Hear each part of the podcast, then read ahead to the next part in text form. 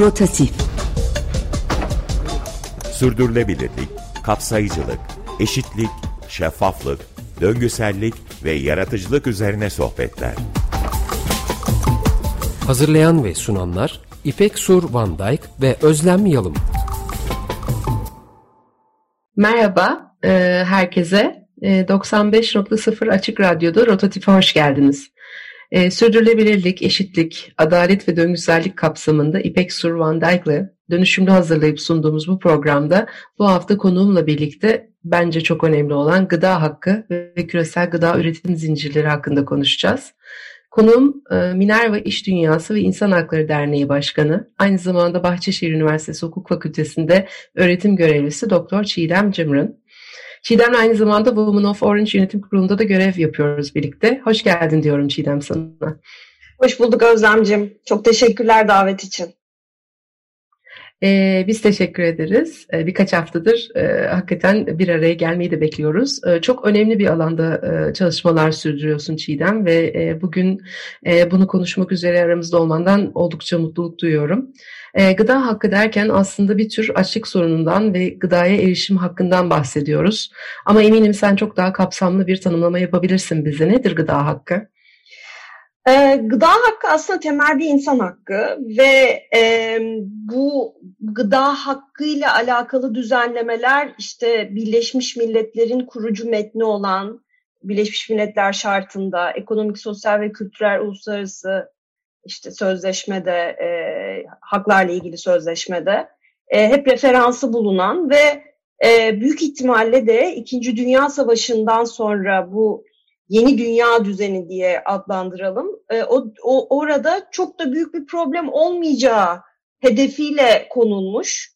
E, çünkü mesele hani ekonomik kalkınma ve refah sağlandığı zaman refah devleti ve sosyal devlet kanallarıyla bu hakkın da ister istemez bu e, refah devletin önemli bir parçası olarak e, yerini alacağı ve e, açlık ya da e, kötü beslenme gibi bir sorunla dünya üzerinde karşılaşılmayacağı yönünde bir beklenti hakimdi ama gel görelim, e, gel gelelim. E, bugün e, dünya genelinde herkese yetecek kadar gıda üretimi yapılıyor. Gıda üretimiyle ilgili bir problem yok. Eskilerde gıda üretimi zordu. Çünkü e, birbirini bağlayan, bu üretimleri birbirine bağlayan bir zincir yoktu. E, bu zincirler kuruldu e, bu zincirlerin kurulmasıyla birlikte aslında e, üretim mevcut dünya nüfusuna yetecek kadar yapılıyor. E, ama e, 2019 e, verilerine göre e, 820 milyondan fazla insan aç yaşıyor Özlem. E, ve bunun COVID e, sürecinde e, insanların evde oturmak zorunda kalması, iş yerlerinin kapanması, e, çocukların e, okullara gidip genelde e, birçok çocuk e, evde alamadığı besini okullar üzerinden e, okullarda erişiyordu. Okulların kapanması nedeniyle bugün herhalde aç olan insanların sayısı çok çok daha fazla ve e, giderek de artacağı benziyor. Korkunç. Ee, şimdi hiç boyutundan bakmıyoruz. Özellikle senin belirttiğin gibi pandeminin etkilerine aslında bu gıdaya erişim hakkı üzerinden e, çok az insanın baktığını düşünüyorum. E, rakamlar var, e, ölümler var. Zaten hani hepimizin hafızasında e, Afrika'da özellikle boy gösteren açlık görüntüleri herhalde e, çok uzun yıllardır e, e, gözümüze gelen görüntüler. Evet. Ama diğerden diğer yandan da bu çok hani işin e, popüler ve yansıyan tarafı eminim. E, açlığın açlık öldürücü bir e, şey e, ve bu etki korkunç ama diğer yandan öldürmediğinde de kalıtsal başka pek çok da etkisi var. Biraz bunlardan da bahseder misin? Evet. E, şimdi veriler işte bu insanların e, yani açlık nedeniyle meydana gelen ölümlerden bahsetmek lazım ilk. Ee, AIDS, sıtma ve tüberküloz nedeniyle ölen kişilerin oranından çok daha fazla hani sanırsın ki hastalıklar öldürüyor. Ve dediğin gibi yani Afrika üzerinden sanki bunu düşünüyoruz hep. Hani orada böyle çok popüler fotoğraflar e, gözümün önüne geliyor. Eminim senin de gelmişti işte aç bir çocuk evet, evet. yanında evet. akbaba falan hani böyle çok klasik bir fotoğraf var ya. Ama e, bizim ülkemizde de bu çok yaygın ve e, şimdi açlığı belki de ilk tanımlayarak başlamak gerekiyor Özlem. Ondan sonra hani biz ne, ne nasıl bahsediyoruz? Yani sadece fiziksel değil ama aynı zamanda da zihinsel etki neden olması ve onun daha sonraki toplumsal etkisi e, bakımından onu açıklamak bakımından önemli diye düşünüyorum. Şimdi açlığı e, bir sessiz trajedi olarak e, adlandırıyorlar. E, insan hayatı boyunca bir sonraki öğünü bulup bulamayacağına dair duyduğu acı, ızdırap, işte korku, aşılamayan bir kısır döngü yaratıyor bu. E, ve bu bir çaresizlik içerisinde e, hayattan dışlanmışlığa neden oluyor. Çünkü hani siz açsınız ama etrafınızdaki insanlar sizin bu yaşadığınız ızdırabı çok fazla anlamıyorlar. E, bir de gizli açlık var. Yani bireylerin ki Türkiye'de bu benim en azından çalıştığım e, tarım e, tedarik zincirleri bakımından e, bu çok daha e, görünen. Hani e, günlük kaloriyi alıyor, tok geziyor insanlar. E, ancak gel gör ki oradaki o besin değeri olarak günlük olarak alması gereken e, mikro besinlerden yoksun kaldıkları için yetersiz besleniyorlar. E, bir nevi e, bir, gizli açlık içerisindeler. E, ve bu gizli açlık e, diğer hani aleni açlık diyelim artık e, yaşıt çocuklarda özellikle çok ciddi etkilere neden oluyor. Bir kere e, bunların e, fiziksel ve zihinsel gelişimleri e, geride kalıyor ister istemez. E, zaten yani bu geride kalma hali e, eğitim hayatlarında da başarısızlığa neden oluyor. Ee, bu hem geride kalıyor yani hem e, e, besine ulaşamıyor hem besine ulaşamadığı için e, becerilere sahip olamıyor, eğitimden geri kalıyor. Yani eğitimde istediği kadar başarıyı elde edemediği için okula da gitme hevesini kaybediyor çocuklar. Ve otomatik olarak biz bunları çocuk işçi olarak işte merdiven altı atölyelerde ya da e, tarlalarda, bahçelerde e, işçi olarak e, gör, görmeye başlıyoruz.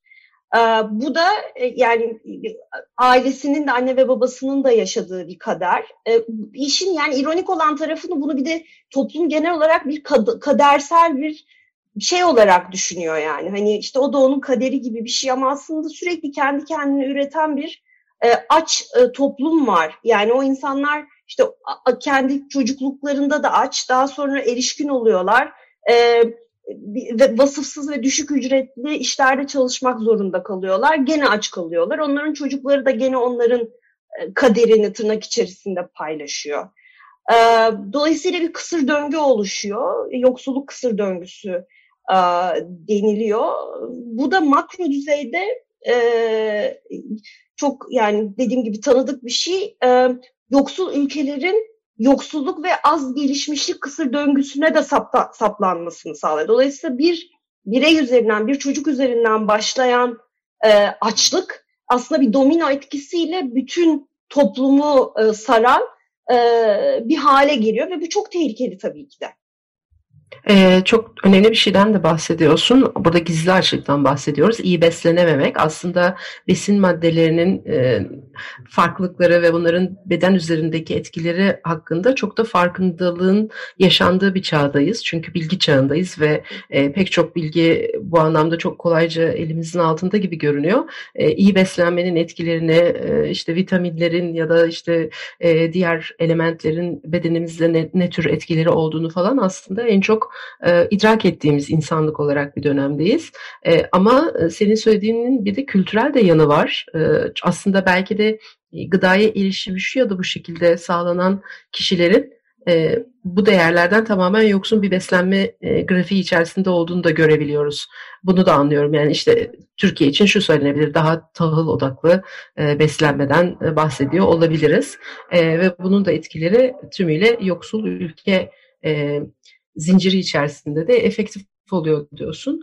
E, Türkiye'nin durumunda biraz daha derinleşebiliriz. E, uluslararası e, gıda zincirinde bir tekerleşme var. Bu çok konuşulan bir konu. Bunlardan bahsedebiliriz biraz daha. E, dünyada durum ne? E, ve Türkiye bunun neresinde duruyor diye sorumu toparlayabilirim belki.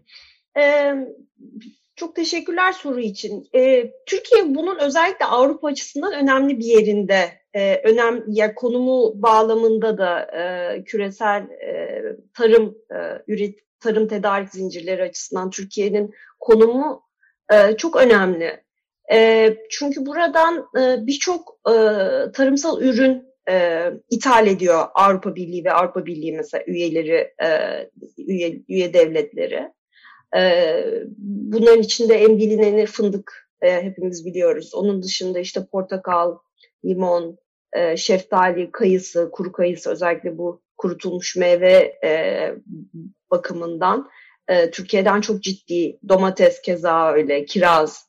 E, bunların hepsi Türkiye'nin e, ihraç ettiği Avrupa Birliği'ne önemli tarım ürünleri.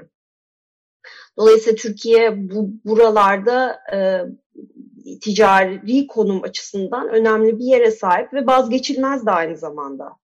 E, çünkü tarım ürünleri yani böyle bir giysi gibi işte Bangladeş'ten yükleyelim gelsin gibi değil biraz daha e, ömürlü ömürleri kısa olduğu için e, kısa mesafeler tercih ediliyor. En azından benim gözlemim çalıştığım e, organizasyonlarda. E, şimdi bu bu ürünlerin toplanması e, bir de işlenme süreci var. İşlenme süreçlerinde yabancı sermayenin de geçtiğimiz dönemlerde Türkiye'de aktif olduğunu görüyoruz. Ama günün sonunda üretici dediğimiz işte çiftçiler e, yerel e, halk e, ve e, özellikle köyden kente göç nedeniyle e, köyde eskiden bu işleri yapan e, ve köyde köyde eskiden bu işleri yapan ve daha sonra da kente göç etmiş insanlar var. E, köylüler orada kalan e, köylüler kendi ürettikleri e, ürünleri toplayacak e, insan kaynağına yerelde çok sahip değiller. E, bir de tabii ki de talep çok arttı Özlem. Yani e, eskiden hani X yani ne bileyim 10 birim üretiyorsa şu an 10 birimden çok daha fazla üretmesi gerekiyor. Çünkü talebi var yani. Bunu talebi de karşılamak istiyor. E, ücretler de çok aslında düştü. O yüzden ne kadar fazla üretip satarsa o kadar fazla e, para kazanıyor. Şimdi böyle bir sistemde o hasat döneminde ya da hasat dönemi öncesinde işte budamadır, bi, bi, biçmedir falan filan gibi süreçlerde e, ilave bir e, iş gücüne e, ihtiyaç var. Ve bu iş gücü e, yani geçtiğimiz işte herhalde 20 yıl, e, 20 yıl kadardır yani e, 2011'de çok daha e, fazlalaştı ama bu mevsimlik, geçici mevsimlik tarım işçileri ile sağlanıyor. O insan kaynağı olarak onlar aktif olarak görev yapıyorlar bahçelerde, tarlalarda. Kim bu insanlar? Genelde doğuda yaşayan Urfa, işte Ağrı, Van, e, Mardin, ondan sonra e, Suriye e, iç savaşından sonra Suriye'den gelen, e, Türkiye'ye düzensiz gelen göçmenler. Bunlar bu insanların işte o tonları toplayan bir tarım aracısı var orada ve bu tarım aracıları da aracılık yapıyorlar bahçe sahipleriyle, üreticilerle, işçiler arasında ve bu insanlar yılın 6 ila 8 ayı boyunca kendi işte memleket diyeceğim de yani memleketi de değil Suriyeli e, çalışanlar açısından, işçiler açısından 6-8 ay Türkiye'nin etrafında dolaşıyorlar. İşte gidiyorlar Malatya'da kayısı topluyorlar. Oradan Ordu'ya gidiyorlar. Ordu'da fındık topluyorlar. Oradan Sakarya'ya geçiyorlar. Fındık toplamaya devam ediyorlar. Aşağı iniyorlar Bursa'da şeftali, Ödemiş'te patates falan filan diye işte Aydın'da incir, e, Akdeniz'de narenciye falan. E, bütün e, yani 8 aylarını bu şekilde çalışarak geçiriyorlar ve bu insanlar yani çok çadırlarda kalıyorlar. E, çoğu çocuklarını birlikte onlarla birlikte getirmek zorunda kalıyorlar. O çocuklar böyle bir iş düzeninde e, okullardan e, ayrı kalmak zorunda kalıyorlar ve okulu bırakmak durumunda kalıyorlar. Dolayısıyla evet, kendi... Sosyal güvence yok herhalde. Yok, sosyal güvenceden sosyal de bahsedilemez tabii. Kesinlikle. E, ve bu insanlar aslında bizim soframıza gelen e, sadece bizim de diğer Türk halk açısından da bahsetmiyorum. Küresel tedarik zincirlerinde artık kime gidiyorsa yani kim o kuru kayısı yiyorsa, fındığı yiyorsa, çikolata yiyorsa bu insanların emeği sayesinde yiyor. Ve çok çok düşük ücretlerde çalışıyorlar ve çok kötü koşullar ve yaşıyorlar. Çadırlarda kalıyorlar dediğim gibi çalışıyorlar. Şimdi işin ironik kısmı ve üzücü kısmı bence gıda gıdaya e, e, erişemiyorlar. Yani hani o dedim, demin dedim ya sana gizli açlık var. Bu delilik. Ee, e, mesela çiftçiler evet delilik yani ben şunu gördüm e, e, bir proje nedeniyle e, Isparta'daydık orada da gül e, tedarik zinciri orada mesela e, çiftçiler şey diyor işte öğlenleri kola götürüyorum diyor o onların benzini diyor yani küçücük çocuklar litrelerce kola içip şekerle birlikte kalori alıyorlar ve daha iyi çalışıyorlar. Ama yani başka hiçbir şey yemiyorlar mesela. Anlatabiliyor muyum? Çok fena, çok fena. Ee, ve gelsin tabii bir tür bir sürü e, sağlık problemi beraberinde, evet. psikolojik problem. Ee, peki hemen de hemen de şunu sormak istiyorum. Sadece 8 ay bu insanlar kalan aylarda ne yapıyorlar? Nerede yaşıyorlar? Nasıl barınıyorlar ve ne yiyorlar, ne içiyorlar? Evet. Kalan aylarda o 8 ay boyunca işte e, yaptıkları işlerin e, paralarıyla işte 3 neyse yani 6 ay ya da 4-6 ay kendi e, ya şeylerine geri dönüyorlar. Şehirlerine işte mesela ne bileyim Harran'a geri dönüyor. Akçakale'ye geri dönüyor. Viranşehir'e geri dönüyor. Urfa. E, bazılarının Suriyeliler mesela İzmir'in yakınında bir e, şey var. E, mülteci kampı gibi bir yer var. Mevsimlik tarım işçilerinin barındığı. Oraya gidip kışı orada geçiriyorlar. En azından hava biraz daha yumuşak. Sonra oradan Sıcak yine, evet, hasada geçiş yapıyorlar. Ee, kazandıkları paraları e, şey yapıyorlar, e, harcıyorlar.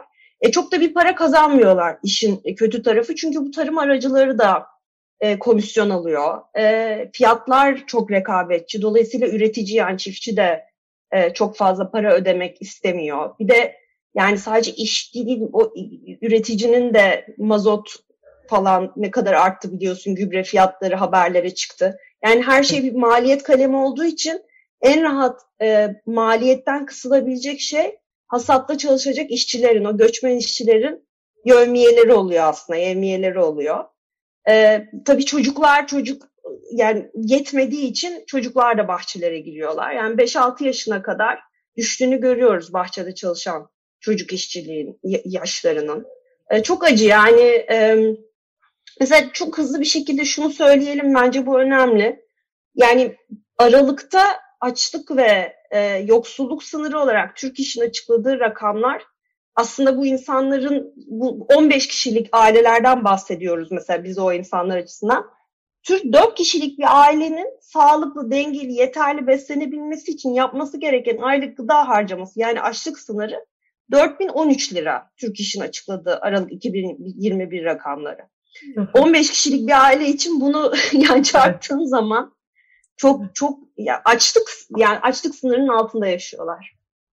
E, şimdi gıda söz konusu olunca konuşacak çok konu var. E, evet. Türkiye'nin aslında e, çok daha fazla gıda üreten bir ülke konumundan gıdayı ihraç ettiğin bu şeylerden bahsettin ama Hı. aslında çoğunlukla da gıda malzemelerini, e, maddelerini ithal ettiğimiz bir konuma da döndük. Buna hiç değinmiyoruz. E, evet. Süremiz de bitmek üzere çünkü. E, ben çözümcü olmak adına gerçekler Hı. çok acı, çok boyutlu. E, bunun işte tarım ilacı e, boyutu da var. Konuşabiliriz aslında saatlerce başka bir programda. Biz e, bugün açlığa biraz vurgu yapıp biraz da e, tarım işçileri özelinde konuyu gündeme getirdik. Biz ne yapabiliriz ya da neler yapılabilir, e, ne tür çalışmalar yapılıyor? Senden son olarak e, bunu rica ediyorum.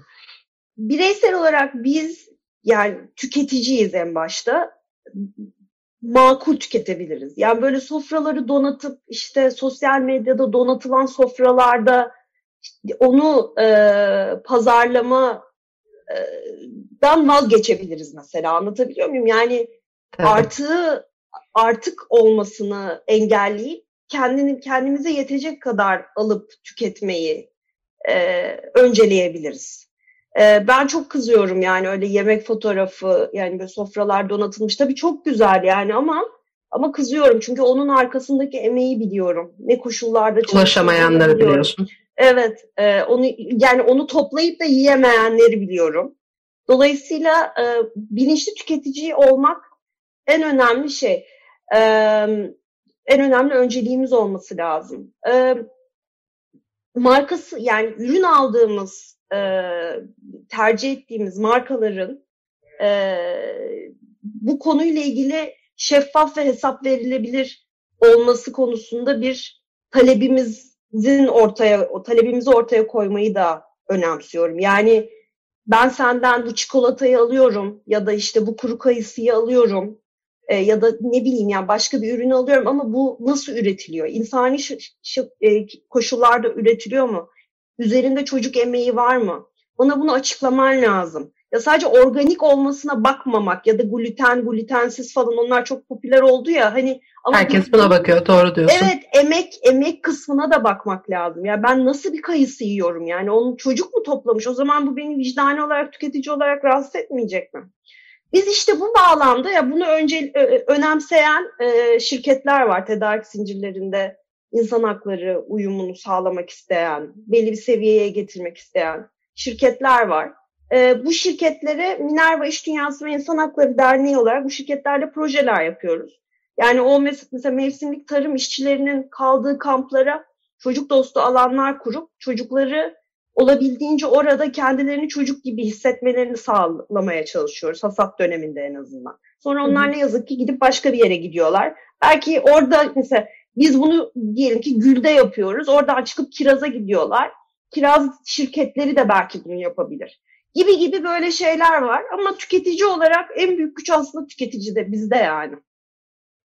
har Harika. Çiğdem süremiz su gibi aktı. Bir sürü şey daha konuşulabilir ama bence bu kadar sürede bile tamam. e, oldukça önemli konulara değindik. Eminim e, dinleyenimizin kafasında bir e, soru işaretleri e, oluşturabildik ki bu merak yaratır ve belki e, hafta sonunda bu konuda belki birkaç araştırma yapabilirler. Minerva'dan bahsettik. Detayına girebilirler e, sizin yaptığınız çalışmaların. Biliyorsun her programda bir e, konuğumuz var ve konuğumuzdan da e, parça seçmesini istiyoruz dinliyoruz. Bize bu hafta için e, hangi parçayı seçtiğini sen anons edersen e, ben de çok teşekkür ederek hem sana hem dinleyicilerimize yayını kapatacağım. E, ben Into the New diye bir enstrümantal bir parçayı tercih ettim. Umarım beğenirler. Böyle bir yerde denk gelmiştim. Bana umut veren bir parça. Umarım aynı şeyi dinleyiciler de paylaşır. Çok teşekkür Hayır. ediyorum ben de. Harika bir mesaj. Umutla kalın diliyorum. Herkese iyi hafta sonları diliyorum.